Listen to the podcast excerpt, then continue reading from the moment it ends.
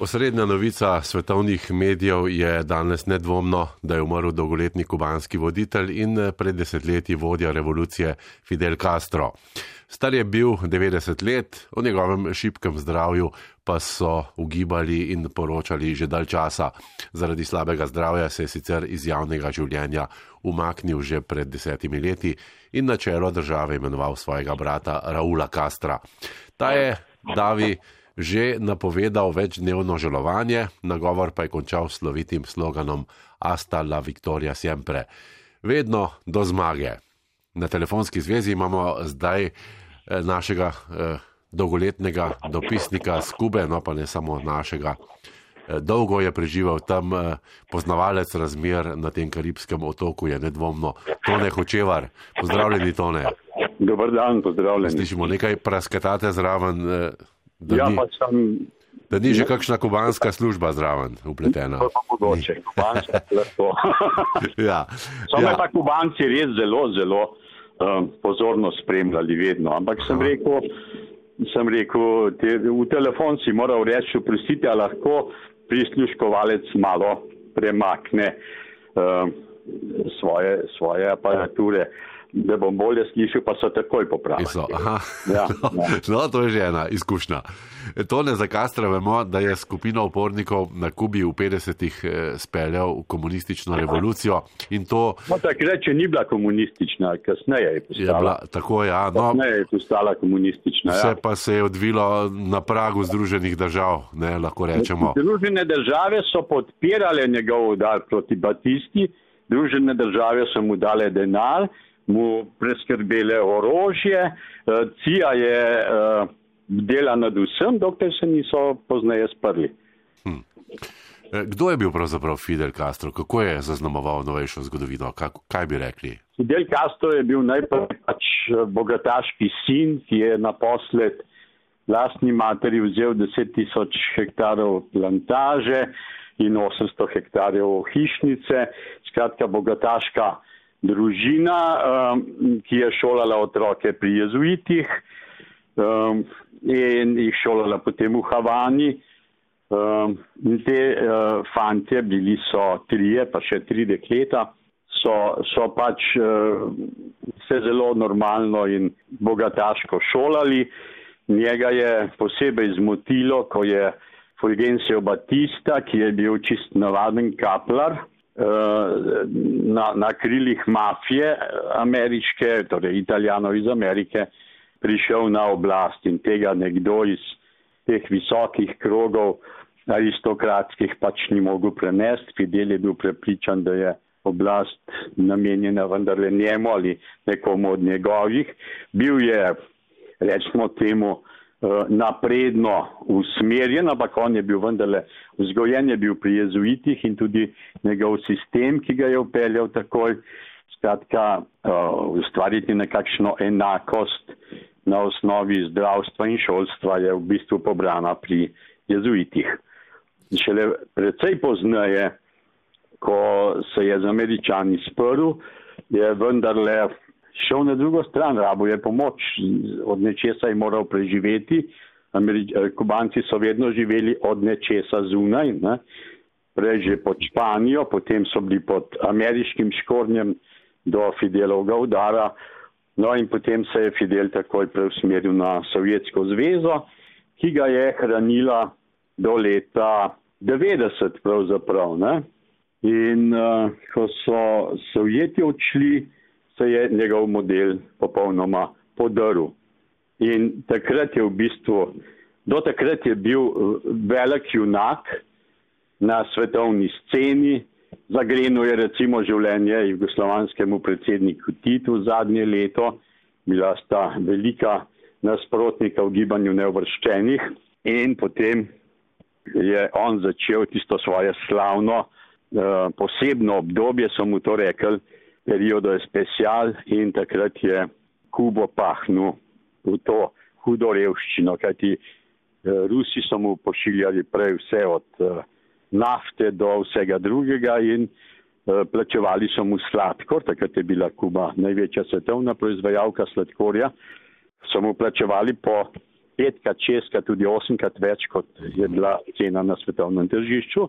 In uh, Kuba je takrat kar nekako cvetela in seveda vsak dolar iz ruske malhe so plačevali s krvjo, kajti kubanci so se tevkli za ruse po Srednji Ameriki, predvsem pa po Afriki. Ne?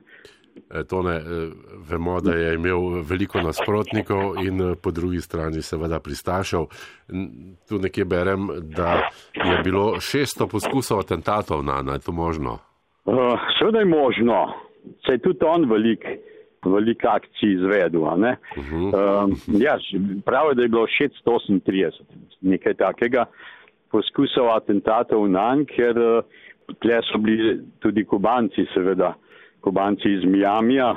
Če greste v Miami, boste videli, da brez španščine se ne morete še kave ne naročiti v, v normalnem Miamiju, razen tam v bogataškem. Ne? Ti so bili nasprotniki, potem seveda Cija je svojega bivžga prijatelja takoj hotla ubiti in Cija je stala za večino teh poskusov. Ja. Seveda je imel nasprotnike. On je, on je vendarle širil Eh, revolucijo, to idejo revolucije, on je sam sebe postavil za nekakšnega apostola, širil revolucijo po celem svetu, začetka je zelo veliko vplival na Che Guevara, drugi bogataški sin iz Argentine, no in potem so zabredli šele kasneje, ko Rusov ni bilo več. Ne? In takrat so še zmeri imeli nasprotnike, ampak atentatov pa po tistem ni bilo več ni toliko, ker on je nehal širiti. On je v bistvu poskusil širiti svojo vero, ki se je rekel pač revolucija. Ne?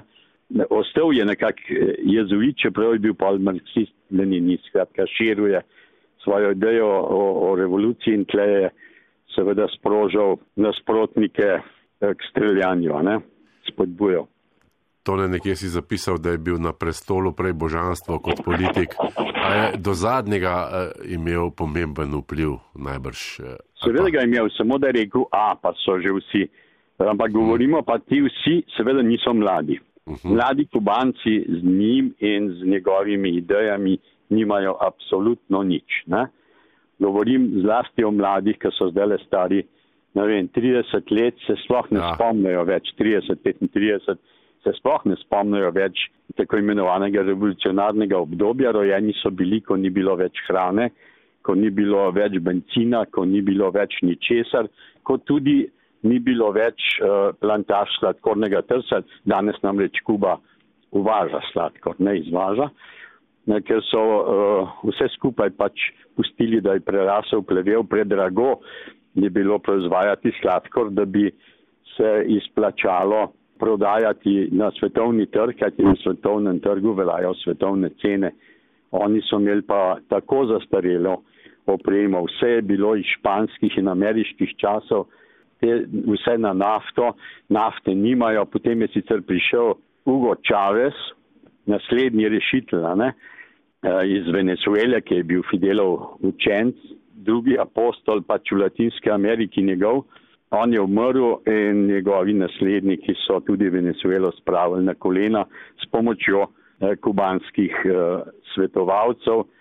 V Venezueli namreč izjemno veliko kubancev, od zelo pozitivnih vem, zdravnikov, učiteljev, profesorjev do seveda trdih in realnih svetovalcev in čuvajo, torej agentov, policistov, vojakov, ki čuvajo Madura in njegove, ki se boji svojih seveda. E, to ne hočeva še nekaj e, za konec. Ali mislite, da bi se zdaj utegnile izvesti kakšne bistvene spremembe v Kubi, ali jih je v zadnjih letih, e, kolikor jih je že nakazal naslednik brat Raul? Naj bi fizična smrt pomenila kaj posebnega, no? Zdaj. Bistvene spremembe so se začele pravzaprav takrat leta 90. Ne, malo prej, ne? ko je, ko je uh, Rusija odšla in, in so ostali do konca revni. Takrat, takrat uh, se je začelo sedanje obdobje, takrat je Fidel dovolil turizem, takrat je Fidel dovolil dve valuti, reveži živijo od navadnih kubanskih pesov, ki, so, ki ne valjajo nič in z njimi lahko plačuješ stvari, ki se jih ne dobi več, tistih za ston ali na karte. Eh, vsi drugi torej dve tretjini ljudi živijo od denarja, ki ga dobi od sorodnikov iz Mjamija, Mjami pravim kot simbola, ne? kubancev, ki so šli ven, njih je več milijonov, od teh živijo, uh, pa seveda od turizma. Reveži, tisti, ki imajo samo tistih nekaj pesov, ki jih zaslužijo, ali pa še tega ne, pač prodajajo svoje hčere ali pa sinove na Malekonu, tako rečemo, nekako simbolično, to je na, na Havanski obali, kjer se turisti gnetejo zvečer, tam jih prostituirajo svoje otroke, da proži, preživijo družine. Ne. Pa še nekaj se je že dogajalo, že dolgo, a tega seveda dokaza, zato ni, oni so vendarle bili v trgovini z mamili močen faktor. Ta FARC, ki se zdaj pogaja s kolumbijsko vlado, je njihovo dete ne? in je tudi 50 let trajala kubanc, uh, kolumbijska vojna. FARC je pa vendarle imel svoj glavni sedež v Havanja, ne, ne, ne v Bogoti. Tako da vse te stvari, seveda te spremembe so že in druga sprememba zelo pomembna je seveda, da so tudi pod pritiskom lastnih nesposobnosti in nemoči uh, z Ameriko sklenili sporazum s pomočjo Vatikana. Tukaj je treba predvsem povdariti veliko zaslugo papeža Frančiška, ki je to sprožil. In to morda lahko pripelje do mirnega eh, razpleta. Moramo vedeti, da je tam že privatna lastnina, ki sta jo brata Castro, zlasti potem Raul pod pritiskom, dovolila, da, da so restauracije zasebne, da imajo te restauracije v lasti otroci partijskih funkcionarjev, delali so jih pa z denarjem iz Mjamja, kajti na Kubi ni nobene proizvodnje in prav nobene. Ne? Mhm. Vse se uvaža, uvaža se z denarjem, ki ga je treba nekje dobiti, narediti. Ja. Ne? Ja, dobiti ja. Tako. Ja, to ne hočevar, hvala lepa, eh, da ste se odzvali na naš klic, da smo malce osvetlili, recimo, pa se spomnili, kako je pravzaprav bilo v teh zadnjih desetletjih.